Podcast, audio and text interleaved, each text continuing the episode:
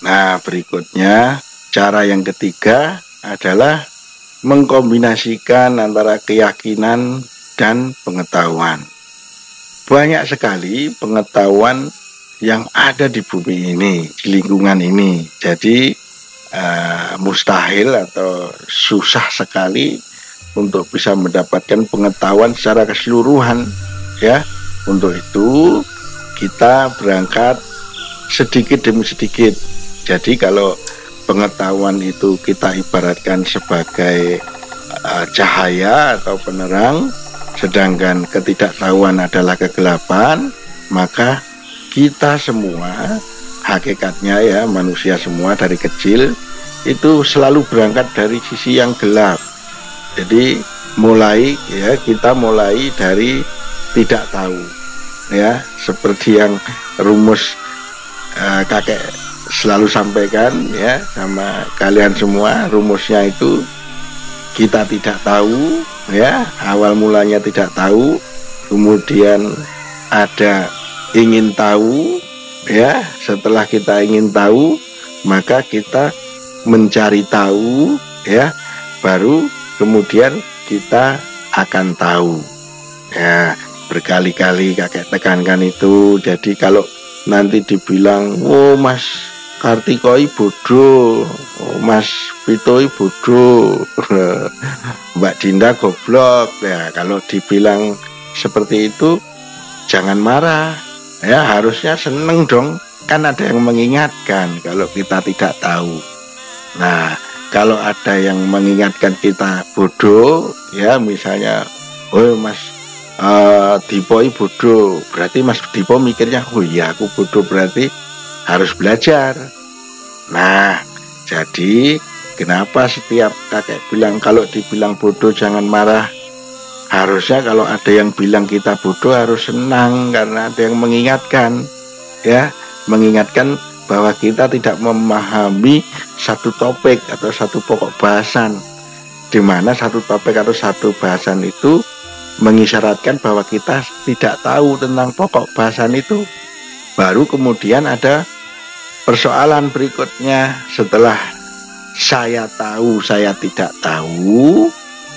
Kemudian pertanyaannya, apakah saya ingin tahu atau perlu tahu atau tidak perlu tahu, ya kan?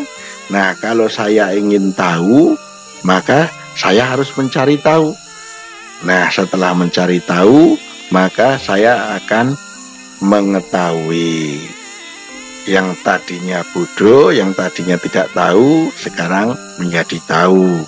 Nah, rumusnya kira-kira seperti itu yang sering kali diulang-ulang ya. Nah, pada awal mulanya semua orang itu memang tidak tahu karena dorongan ingin tahu, maka orang itu belajar dari pembelajaran maka muncullah pengetahuan ya nah sekarang kita asumsikan bahwa semua orang itu memang awal mulanya tidak tahu ya. Kalau kakek sering berseloroh ah profesor itu kan harus sekolah TK dulu. Baru boleh sekolah SD kan begitu. Artinya apa? Seorang ahli sekalipun ya awal mulanya tidak tahu apa-apa. Eh, semuanya berangkat dari belajar. Jadi kalau kalian tidak tahu apa-apa ya jangan khawatir persoalannya kalian ingin tahu atau tidak ingin tahu? Itu saja yang mendorong kalian menjadi pinter yang mendorong kalian menjadi berpengetahuan ya.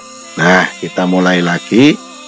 Pada saat kita mengawali dari tidak tahu ya jadi awal mulanya kita tidak tahu apa-apa, maka sulit sekali kita akan punya pengetahuan karena awal mulanya memang tidak tahu.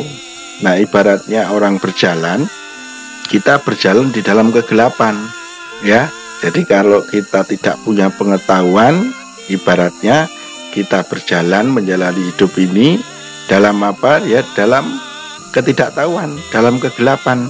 Seperti orang berjalan di dalam hutan yang gelap ya nah saat kita berjalan di dalam kegelapan inilah kita memerlukan semacam tongkat ya semacam tongkat Jadi sebelum kita menemukan obor atau uh, pencahaya dan lain sebagainya, kita bisa memakai tongkat.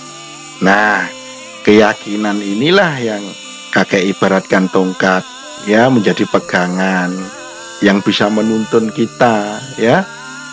Jadi kita punya keyakinan, keyakinan dari ajaran-ajaran, keyakinan dari uh, apa petuah orang tua dan lain sebagainya. Itu yang kita pegang. Kita pegang kita jadikan pegangan sambil kita menjalani hidup ini perlahan-lahan. Nah seperti itu.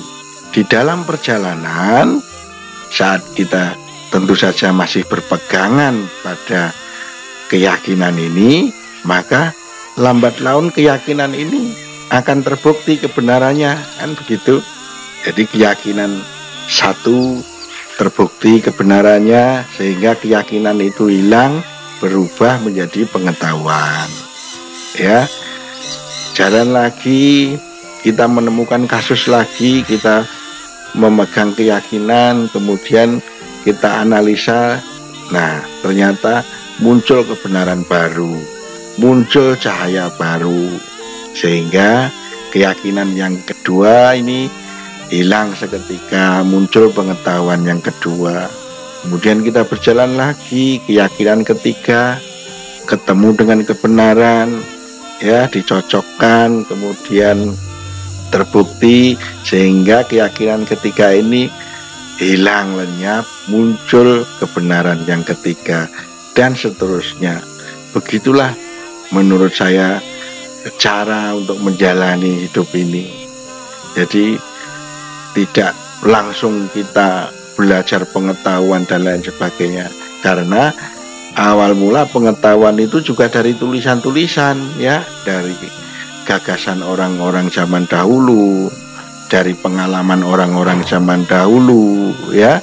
Yang kita yakini kebenarannya kemudian kita praktekkan dalam kehidupan sehari-hari setelah kita analisa, setelah kita alami, muncul kebenaran. Nah, inilah kebenaran baru sebagai pengetahuan baru.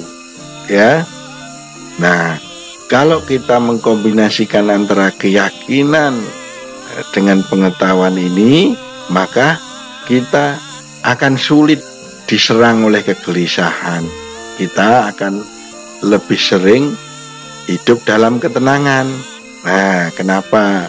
Karena yang tadi kakek sebutkan sebab daripada kegelisahan dan keresahan adalah kegelapan atau ketidaktahuan, tapi dalam kegelapan dan ketidaktahuan kita punya pegangan ya, kita punya keyakinan ya. Jadi saat kita dalam kegelapan, saat kita tidak dalam atau kita belum mengetahui tentang sesuatu itu, kita berpegang pada keyakinan kita. Nah, sambil berjalan, keyakinan itu dibuktikan satu demi satu. Apakah dengan cara analitik, kita analisa dalam gagasan, walaupun tidak sempurna, sampai kita mengalaminya sendiri, sampai kita melihat sendiri, sampai kita membuktikan dengan indera kita, ya. Jadi saat kita dalam kegelapan seperti yang kakek ceritakan maka orang cenderung gelisah ya. Jadi ketidaktahuan selalu memunculkan kegelisahan. Ketidaktahuan selalu memunculkan kebingungan kepanikan keresahan dan lain sebagainya. Nah saat kita dalam kegelapan saat kita dalam ketidaktahuan kita berpegang pada keyakinan ya. Sambil berjalan kita buktikan satu demi satu keyakinan demi keyakinan itu menjadi sebuah pengetahuan ya. Nah setelah kita mendapatkan pengetahuan maka lenyaplah keyakinan ya. Keyakinan itu berganti dengan pengetahuan ya. Yang tadinya gagasan atau tulisan yang kita yakini kebenarannya setelah terbukti maka keyakinan tadi menjadi sebuah kebenaran keyakinan tadi menjadi sebuah pengetahuan. Nah, akhirnya kita mendapatkan sebuah pengetahuan sehingga kegelisahan pun akan sirna, keresahan akan hilang dan muncullah ketenangan. Jadi bisa disimpulkan untuk mencapai ketenangan, untuk menimbulkan ketenangan, kita bisa memakai secara instan yaitu dengan keyakinan atau kita belajar keras untuk mendapatkan pengetahuan ya. Nah, yang kakek tawarkan adalah kombinasi keduanya ini di mana keyakinan dipakai dulu sambil berjalan kita mempelajari, kita belajar sehingga pengetahuan pun akan didapat. Nah, dari cara penggabungan ini, maka kita tidak ada ruang untuk gelisah, tidak ada ruang untuk kita resah. Kenapa? Karena saat kita dalam kegelapan, kita punya tongkat, ya, punya teken, punya pegangan, sebuah keyakinan, ya. Dan saat kita sudah mulai mengetahui keyakinan itu sebagai kebenaran atau sebagai bukan kebenaran, maka kita punya pengetahuan baru. Nah, pengetahuan baru inilah yang akan menjadi penerang kita. Pengetahuan baru inilah yang secara otomatis akan menenangkan kita. Jadi intinya semua kegelisahan, semua keresahan disebabkan lebih banyak oleh ketidaktahuan dan kegelisahan dan keresahan itu secara otomatis bisa dilenyapkan dengan pengetahuan. Nah, contohnya adalah orang-orang yang punya pengetahuan tinggi, luas, maka dalam kesehariannya mereka orang-orang itu hidup dalam ketenangan. Kita menyebutnya sebagai para bijaksana. Maka para bijaksana hidup cenderung dalam ketenangan ya. Tidak kerasa kerusuk tidak serba gelisah. Nanti ada berita ini sedikit sudah gelisah ada berita sedikit tentang ini panik dan lain sebagainya. Maka para bijaksana selalu mengolah batinnya mengolah pikirannya untuk menelusuri pengetahuan satu demi satu yang akhirnya menumpuk pengetahuan yang begitu tinggi dan luas sehingga mereka hidup dalam ketenangan, kedamaian dan ketentraman. Nah, itu dulu ada mungkin bisa disebut tiga cara untuk mendapatkan ketenangan atau menumbuhkan ketenangan yang sejatinya ketenangan itu muncul dari dalam diri kita. Jadi mulai sekarang tidak perlu kita pergi ke suatu tempat memohon ketentraman, memohon kedamaian dan lain sebagainya, tapi memperjuangkan kedamaian, memperjuangkan ketenangan ya dengan cara belajar, belajar, mencari pengetahuan demi pengetahuan untuk mendapatkan ketenangan itu untuk memunculkan ketenangan itu yang sejatinya ketenangan itu muncul dari dalam kita masing-masing. Itu saja dulu. Terima kasih. Sampai jumpa lagi.